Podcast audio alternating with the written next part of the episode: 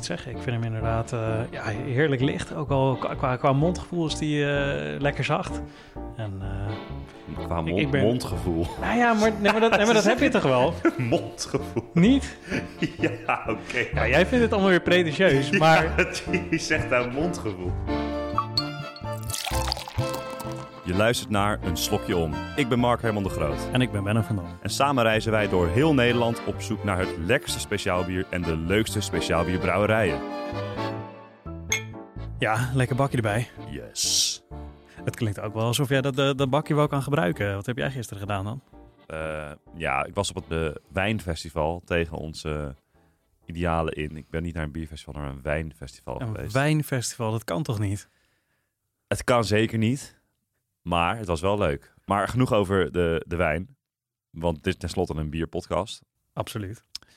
We gaan vandaag ergens naartoe. Waar gaan we naartoe, Benno?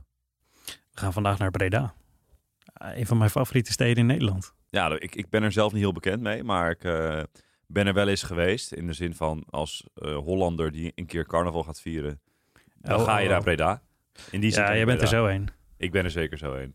Nee, ik moet eh, heel eerlijk bekennen, ik ben ook wel eens eh, naar Breda gegaan om eh, carnaval te vieren hoor. En Breda is natuurlijk bekend van brouwerij De Drie Hoefijzers. Ik heb er nog nooit van gehoord. Wat, hoezo is dat zo bekend dan? Nou, helaas bestaat het nu niet meer, maar dat is een, een hele grote brouwerij geweest in Nederland. Maar, dat, maar daar gaan wij niet meer heen, want die bestaan niet meer. Nee, maar wij gaan naar de, de spirituele opvolger van eh, brouwerij De Drie Hoefijzers, De Bijert. Het is een restaurant en brouwerij. Nou, ik stel voor, wij gaan de trein pakken. En dan gaan we gewoon naar Breda toe. Ja, Zo, dit is gezellig, man. ja dat Jee, Dit zijn we helemaal niet gewend. Een prachtig, langgerekt plein.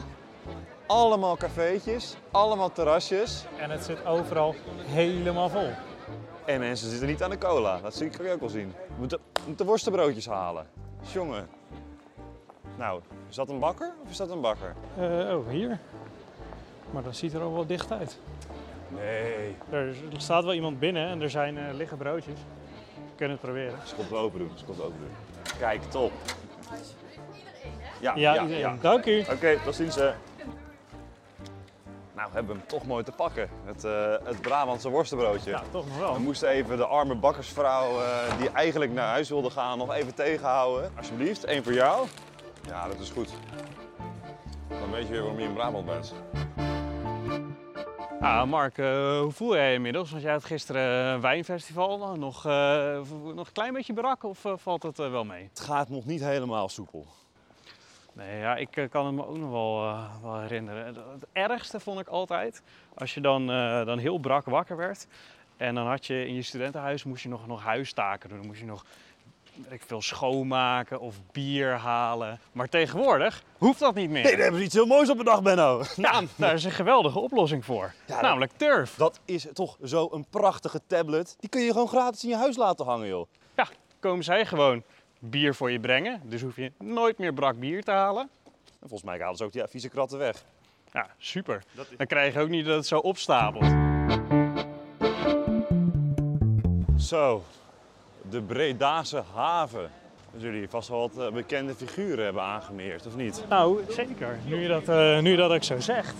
Eén heel bekend figuur, ik weet niet of ze hier aangemeerd eh, heeft. Ze zou uitgroeien tot een, tot een grootse zeevaarder. Een, eh, een, een, een heuse piraten. Een piraat. Nou, een piraten. Piraten. Zeker. Haar naam was eh, Mary Read. En eh, zij heeft nog meegevaren met kapitein Jack Rackham. Die ook de inspiratie is geweest voor Jack Sparrow. Dat Jee. een hele kleurrijke, een beetje gestoorde piraat zijn geweest. En zij was samen met Anne Bonny was zij een van zijn twee eh, vrouwelijke compagnons. Jezus. Dat was natuurlijk ongehoord in de tijd. Ehm, maar volgens eh, de Bredase volksverhalen zou zij hier een herberg hebben gehad. Het verhaal gaat dus dat haar herberg heette de Drie Hoefijzers. We gaan dus gewoon naar een piratencafé. Nou, het lastige is, over piraten is gewoon weinig bekend. Want er is wel een bron van een of andere kapitein Johnson, die, die, die, die van alles heeft opgeschreven. De volksverhalen, de volksverhalen. Het, het blijft wel een, een, een volksverhaal, inderdaad. Nou ja, Dus het lijkt mij wel verstandig om straks even te vragen bij de Bijert, hè, toch als een soort van spirituele opvolger van eh, de drie hoefijzers, wat zij nou denken van het verhaal, of dat een beetje waar is. Eh, mijn naam is Jos de Jong. Eh, ik eh, ben onderdeel van familiebedrijf eh, De Bijert. Al, ja, al 180 jaar een familiebedrijf, dus ik ben generatie nummer 7 die hier werkzaam is. Doe maar. Ja, ehm, ja ooit hier begonnen als, als 15-jarige in de spoelkeuken. En natuurlijk snel doorgegroeid achter de bar in het restaurant. Af en toe eens een keertje mee in de brouwerij kijken. Ehm, zo heb ik de hogere hotelschool gestudeerd. Daarna wat ervaring opgedaan buiten de deur. En zo ben ik sinds vijf jaar weer eh, ja, terug in de zaak. En ik ga jullie een rondleiding geven door, eh, door ons bedrijf. Kijk, ik zie de koperen ketels eh, al staan. Ja, de koperen ketels inderdaad, waar we nu zijn aangekomen. Ehm, En worden deze ook nog gebruid? Of, ja, ja zeker. Twee keer in de week brouwen wij hier. Een brouwsel van een kleine 500 liter. Dus Doe maar, ja, we gaan ja. naar 900 à 1000 liter in de week wat we hier brouwen. Dat is, eh, en het gaat er allemaal doorheen. eh. Het gaat er allemaal doorheen. Nou, sterker nog, eh, wij hebben het luxe probleem dat het hier harder op gaat dan dat wij het kunnen brouwen. Oh jee. Ja, dus eh, wij hebben een eh, collega brouwer in de stad, een, eh, een huurbrouwerij ook gevonden, die eh, voor ons regelmatig een brouwsel ook maakt. Ja, Ja, maar dat dat laat in ieder geval wel zien dat, eh, hè, dat jullie iets goeds doen. eh, Ja. dat je goed bezig bent als alles opgaat. Ja, En ik zie, eh, dat vind ik ook wel, wel mooi om eh, voor de luisteraars eventjes eh, te laten zien. Sint Arnold staat boven de ketels. Ja. Ja, klopt inderdaad. Ja, zoals erbij staat, de patroonheilige van de, van de Belgische brouwers. Dus in veel Belgische brouwerijen vind je dit beeldje ook terug. Ehm, dat is inderdaad in de middeleeuwen eh, het verhaal dat in, eh in Tichem de mensen eh, ja, veel minder eh, snel ziek werden van, eh, van verontreinigd water en dergelijke dan in eh, andere delen van het land. Eh, en dat kwam omdat eh, inderdaad Sint, eh, Sint daar bier brouwde en dat aan het volk schonk. Maar ja, zoals wij tegenwoordig weten gaat bier door de brouwerijen en wordt het daar onder andere gekookt. Dus heb je geen last van, Ja. van bacteriën en dergelijke ja, en, enge ziektes. Maar inderdaad, ja, toen was dat onverklaarbaar en werd hij heilig verklaard. En op een brouwdag dan steken wij daar ook mooi de kaarsjes bij aan. kijk. Om toch dat sentiment nog hoog te houden. Wat Ik goed. vind het Ja. toch wel tof. Ik denk dat eh, weinig mensen dat weten, dat er een patroonheilige voor brouwers is. Ja. We zitten nu op de zolder of de bovenverdieping van eh, de Bijert. Want jullie zijn nu de Bijert en jullie hebben de drie hoefijzers. Dat, dat zat hier eerst, of hoe, hoe werkt dat precies? Ja, daar ben ik ook heel benieuwd naar. Ja, ja, inderdaad. Want je hebt inderdaad de drie hoefijzers eh, inderdaad al een keer ben je tegengekomen tijdens het studeren naar de geschiedenis van bier. Eh drie hoefijzers is een eh, merk dat is ontstaan in eh, 1628. En dat is ook hier zo in de straat ontstaan, een beetje schuin tegenover. Eh, en ja, de drie hoefijzers, eh, de naam, die eh, komt van, eh, van het bord wat bij die eh, horecazaak buiten hing, met drie hoefijzers. Dat was namelijk, zat tegenover een hoefsmid. In die tijd eh, eh, waren er geen auto's, dus kwamen mensen met een paard overal. Maar paard verloor wel eens een hoefijzer. Dan gingen ze naar de hoefsmid, gaven ze hun paard af. Eh, een paard met maar drie hoefijzers werd in vier dagen gemeten. En in de tussentijd dat de smid bezig was, ging de ruiter tegenover een zogeheten drie hoefijzers biertje drinken. Kijk, Ah, Ja, dus daar komt het vandaan. En, en inderdaad, omdat in die tijd eh, de meeste horecazaken, de meeste herbergen, zoals je dat toen mooi noemde, ja, geen bier van buitenaf lieten komen, die brouwden het allemaal zelf. ja. Dus de, de naam Driehoefijzers bier was snel geboren. Die maakte best wel terrein, dus die werden Ja. steeds bekender hier in de buurt. En tot ze op een gegeven moment op nationaal gebied bekend waren. Eh, daarna zijn ze de eh, samenwerking aangegaan met de Rotterdamse bierbrouwerij, met Oranjeboom.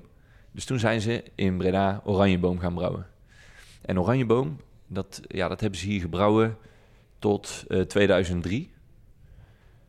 En ja, toen sloten ze daar de deuren, omdat eh, Jupiler langzaam zijn intrede deed hier als, als pils overal in de cafés.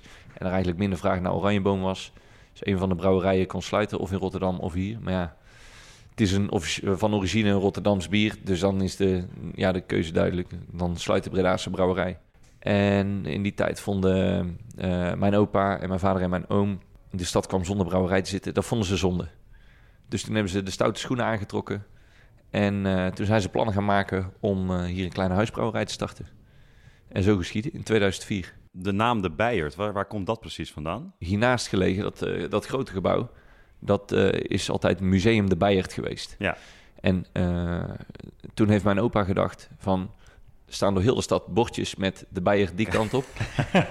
dus eh, ja, als je daar een café die naam dat geeft, slim. komen ze vanzelf. Wat goed. Ja, maar inderdaad, de naam de Bijert eh, ja, eh, komt uit het, het oude Nederlands. En dat heeft een aantal verschillende betekenissen. Ehm, ja, wanorde, verschoppeling, ja, landloper. Een beetje in die richting moet je het zoeken. Dat komt namelijk, het museum de Bijert. Dat is eh, vroeger een zogeheten oude mannenhuis geweest. Een oude mannenhuis, dat stond eh, net buiten de muren van de stad. En daar kwamen eh, ja, pelgrims, reizen, reizigers. Die kwamen hier, die mochten, als ik me niet vergis, twee of drie nachten gratis overnachten.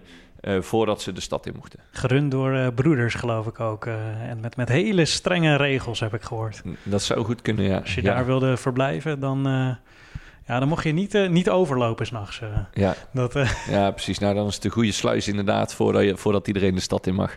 En inderdaad, om even terug te komen op eh, de drie hoefijzers.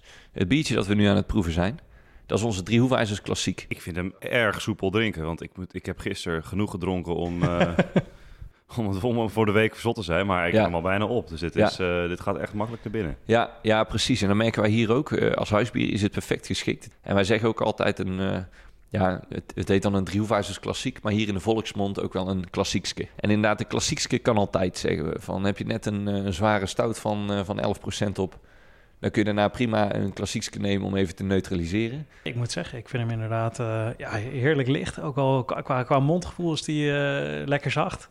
En, Qua Ik- mond, ik ben- mondgevoel. nou ja, maar, nee, maar, dat, nee, maar dat heb je toch wel? mondgevoel. Niet? ja, oké. Ja, jij vindt het allemaal weer pretentieus, maar... Je zegt daar mondgevoel. Dankjewel. Dank, dank. En, en wat, eh, wat hebben we hier eh, voor ons staan? Ja, het, eh, het volgende biertje dat ik voor jullie heb gezet eh, is eh, ja, waar, we net, waar we net eigenlijk naartoe aan het werk waren. Dat was, we hebben onze driehoefijzers klassiek als huisbier. Mooi zacht, mooi fris. We hebben hier onze Dirk Oertiep Pilsener. Sorry, hoe? De Dirk Oertiep Pilsener. Oké. Ja, ja die, eh, dat is ook een van onze hardlopers. Eh, dan is het een Oertiep Pilsener. Dus een, een oertype, zoals ze dat zeggen. Ja. Zoals het vroeger gebrouwen werd. Ehm, ja, vroeger voegden ze wat meer hop toe. Hop heeft natuurlijk een, eh, ja, een conserverende werking. Bier kun je langer houdbaar, met, eh, houdbaar houden met hop. Alleen ja, hop heeft natuurlijk ook als bijkomstigheid frisse aroma's. En eh, ja, een, eh, een bittertje. Ik, waar wachten we op, jongens? Ik zeg, ik zeg voor proost. Ja, proost. Cheers. Benno, ik ga, ik, ik ga je even vragen naar je expertise. Wat, wat vind je ervan? Ah, je ruikt het ook wel iets meer als je, als je zo met je, met je neus erin gaat. Dat Ja. er eh, dat wat meer hop in zit. En natuurlijk eh, wat meer bitter. Maar ik zal het verder niet, eh, niet te pretentieus maken voor jou. Nee, ga, ga je gang. Nee, nee, nee, ik wil van jou eigenlijk wel van, eh, een omschrijving hebben. Dat beetje bitter, dat, eh, dat, dat haal ik er zeker uit. Misschien zelfs een beetje een hint van een, een, een IPA zelfs. Eh, ik zou het niet een IPA willen noemen, maar het gaat wel een beetje die kant op. Eh, kan ik daar, zit ik daar een beetje in de goede hoek? Of, eh?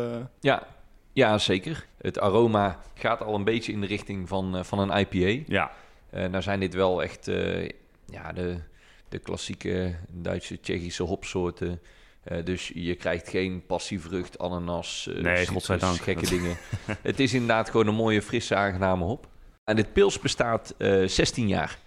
En dat weet ik altijd heel goed, hoe lang het die bestaat. En dat is namelijk, dan komen we terug op het eerste deel van de naam, Dirk. Dirk is namelijk eh, de jongste van onze familie. En ja, hij is de enige die geboren is na 2004. Dus nadat de brouwerij bij ons geopend is. En eh, ja, hij is dus eh, de enige bofkont die inderdaad eh, bij zijn geboorte ook een bier naar zich heeft laten vernoemen. kijk. En, inderdaad, dat hebben ze aan het kraambed eh, aangeboden. Dat betekent dus eigenlijk dat Dirk hem nog niet heeft mogen drinken. Ja, ik kan hier van alles op antwoorden, maar wat denk je nou zelf? Ja, nee. Eh, Dan eh, hoeven we er verder niks over te zeggen. Ja, bij wijze van spreken geboren in een café. Ja, ja.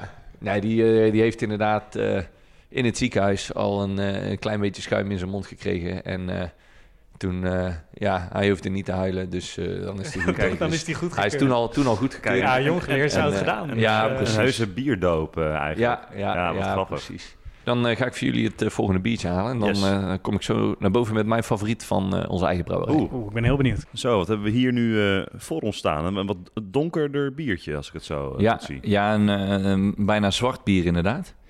Eh, wat ik al zei, mijn favoriet uit onze eigen brouwerij. Ons eh Bayert Schwarz bier. Dus op zijn Duits geschreven. Ja, even heel kort uitgelegd is het een zwarte pils. Hij ziet er heftig uit.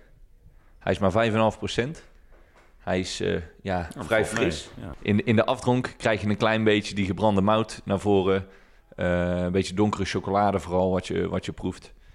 En ja, dit maakt het een heel mooi doordrinkbier. En wij drinken ze hier het liefst ook, zoals de Duitsers eh, en Tsjechen zelf, met een lekkere halve liter. Nou, we gaan het meemaken. Alright. Proost. Nas weer. Ja, het is inderdaad, eh, het is niet een allemans vriend, daar moet ik er wel bij zeggen. Maar eh, de mensen die hiervan houden, daar is het een eh, ja, perfect bier voor. Want ja, helemaal als je er een paar wil drinken, eh, van die stouts van eh 7% of meer, ja, dan tik het al gauw aan. Het is een beetje alsof je, hè, soms krijg je zo'n zo'n- zo'n kopje koffie. En er zit zo'n vierkant in zo'n zilverfolie ingepakt puur chocolaatje bij. Zo inmiddels het, het, het laatste biertje is eh, voor ons klaargezet. Eh, wat voor soort biertje heb je ons voorgeschoteld? Eh, dit is onze Triple White. Is een bier dat eh, niet voorkomt in ons vaste assortiment. Eh, we hebben hem ooit één keer eerder gebrouwen en dat was een groot succes. En eh, ja, het is een, een fris bier. Toch de, de frisse kenmerken van een White heeft het. Maar het alcoholpercentage van een triple. Dus met 8,5% voor een bier wat, wat lekker wegdrinkt. Want dat, hoor je niet vaak, een, een triple en een, eh, en een wijze samen. Ja, ja, inderdaad. Mensen hadden het ook niet heel veel, heel veel eerder ge- gedronken. En dat bleek wel, want eh, ik heb heel wat mensen toen zwalkend naar buiten zien Ja. gaan. En, en kan je misschien voor, want dat is misschien wel iets wat, wat luisteraars helemaal niet weten. Wat is nou het verschil tussen, nou ja, bijvoorbeeld, wat, wat is nou een dubbel, wat is nou een triple? Dan hebben we ook nog even een, een, een klein stukje educatie. Ja, e- Ja, educatief, ja, ja, ja. educatief, ja. Ja, nee, inderdaad. eh, dat, eh, ja, hoe dat ooit begonnen is, is natuurlijk eh, ja, in het klooster, waar, eh, waar vroeger de brouwers zaten, de, de paters, De monniken. Eh, de monniken. Ja, ja. waren inderdaad degene die bier brouwden. Die brouwden voor zichzelf een, een tafelbier. Een, een licht bier van een paar procent. Wat je inderdaad gewoon bij het eten kon drinken. En daarna gewoon heel de dag nog fris was. Toen merkten ze op een gegeven moment dat ze daar goed in werden. Dus dat ze dat de brouwtechniek een beetje onder, Mhm. onder controle hadden. En toen dachten ze van, misschien is dit wel een manier hoe dat wij wat geld kunnen verdienen om hier het klooster te onderhouden. Dus toen zijn ze een, eh, een bier gaan brouwen met eh, twee keer zoveel grondstoffen, dubbel zoveel grondstoffen. Mhm. Dus vandaar de naam dubbel. En eh, ja, die zijn ze buiten het klooster gaan verkopen om toch wat inkomsten te krijgen. En toen hebben ze op een gegeven moment in Westmalle gedacht van wat nou als we drie keer zoveel grondstoffen toevoegen. en dan maken we hem, om hem weer een andere twist te geven, maken we een blond van kleur in plaats van donker, wat een Ja. dubbel altijd is. Ehm, en dan noemen we hem de Westmalle triple. Ja, en het is nog steeds een van Ja, de, van zo- de mooiste zo- trippels ja. die er zijn. Zo geschieden inderdaad. En zo geschieden. Ja, en toen kwamen ze inderdaad eh, bij La Trappe met eh, de volgende stap. Wat, wat, als we, ja. wat als we vier keer zoveel grondstoffen toevoegen? ja, en dan krijg je de quadruppel inderdaad. En eh, ook Ja, die ja, is, ja, ja, eh, is heel erg lekker. Zullen we hem proeven? Ja, goeie. Ik vind het een eh, hele bi- bijzondere smaak. Ik heb het nog niet eerder zo gehad, eh, denk ik. Ik zie je instemmend knikken. Ja, dit is wel, eh, dit is wel lekker, maar inderdaad wel gevaarlijk. Ehm, ja, inderdaad een beetje, een klein beetje van die snoepbanaantjes. Of zo. Ja, ja inderdaad, dat is een mooi kenmerk van die, van die. Ja. Ja. Ja, Je hebt van die, gelijk, eh, ja. ja, van die Ja. Haribo dingen. ja geloof maar ik de dat biologische snoepbanaantjes, waar ze dan niet het... eh, De, de snoepbanaantjes voor grote kinderen. ja, precies. Ja, ja, ja. Dus er staat daar natuurlijk een hele grote eh, bierfles eh, van Breda. Wat zal het zijn? Ja Breda Royal. Maar die zal, die zal wel zeker 7 à, à 9 liter eh, kan Ja. erin, geloof ik. Zoiets denk ik ook wel. Ik durf, bij deze durf ik het niet zeker te zeggen. Maar dit is nog een kleintje vergeleken met wat jullie hier hebben. hoor. Ja, ja, klopt inderdaad. Wij hebben ja, toch wel iets unieks hier eh, in het café staan. Dat is namelijk een fles die ooit in het Guinness Book of Records gestaan heeft. Kijk. Als, eh, als grootste bierfles ter wereld. En hoe- Met, en hoeveel bier gaat daarin? als ik me niet vergis, 33 liter. 33 Yes. liter. Ja. En eh, ja, het verhaal achter die fles Die, eh, die heeft ooit volgezeten en ook dichtgezeten. En eh, toen, toen ze die hier aangebroken hebben, toen wilden ze hem uitschenken. Maar dat, dat ging niet, daar was hij te zwaar voor. Ja, je kan het je voorstellen. 33 liter, dat is Ja, en- even wel wat. ja. En dan in een glazen fles, dus stel er maar een paar eh, kilo bovenop. Ja, wat ze toen gedaan hebben, toen hebben ze een eh, ja, een grote soeplepel gepakt. En hebben ze zo de glazen bier eruit geschept. Oh, want de, de hals was ook gewoon breed genoeg dat er een, een soeplepel... Ja, eh, ja je, zal, je zal het zo zien. Ja, dus Oh. misschien dat ze er ook al over nagedacht hadden. Maar, maar ja, die ik dacht een pompje of zo, maar nee, gewoon met, met een soeplepel. gewoon een soeplepel. Het hoeft niet zo moeilijk te zijn. Nee. nee.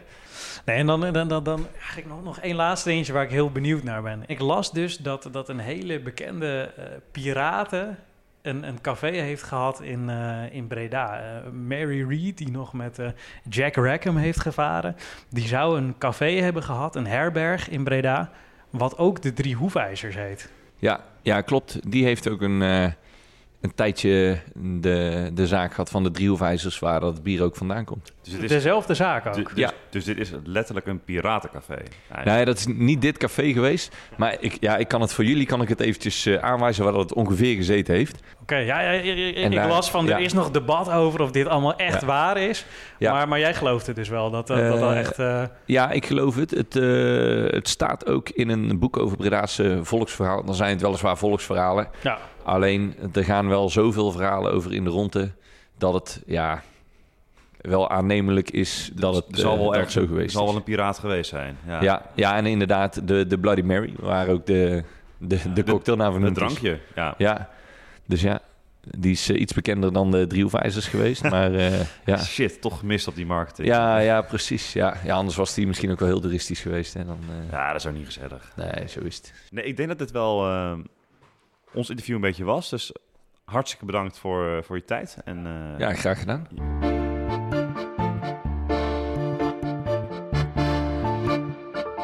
We hebben er eh, drie gehad. Bijna. Ah, vier zelfs. We hebben, Vier- vier ze hebben ook nog een eigen pils Ja, natuurlijk. ja, we hebben er vier gehad. Excuus. Heb jij een favoriet, eh, Benno? Oeh, ik vind het wel lastig. Eh, er waren natuurlijk wel veel verschillende biertjes. Ehm, ik vond ja, het klassiekste, als je dat gewoon hier van de tap altijd kan drinken, dat lijkt me ontzettend lekker. Ehm, maar die triple wijze, die, eh, die sprong er voor mij wel uit. Dat was wel echt heel erg lekker. Kijk, hier gaan we niet, helemaal niet lang over discussiëren. Ik ga je de hand geven. Dit is de eerste keer We zijn het gewoon een keer eens. dat we het eens zijn. Want ik vond die, die was goed, jongen. Die triple wijze ook. Ja, lekker man. Alright, nou, dit was dan eh, Breda, de Bijert. Voormalig de Drie Hoefijzers. Ik, eh, ik vind het een mooi stadje. Ik, nou ja, hè, dat weet je al. Ik vind dit sowieso echt een geweldige stad. Ehm, en nou ja, ook een geweldige brouwerij eh, die daarbij past.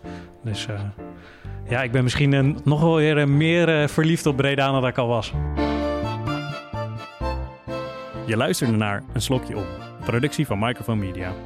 Presentatie en productie door Mark Herman de Groot en Benno van Dam. En wil je nou ten aller tijde weten waar we uithangen, volg dan ook even ons Instagram Een Slokje Op.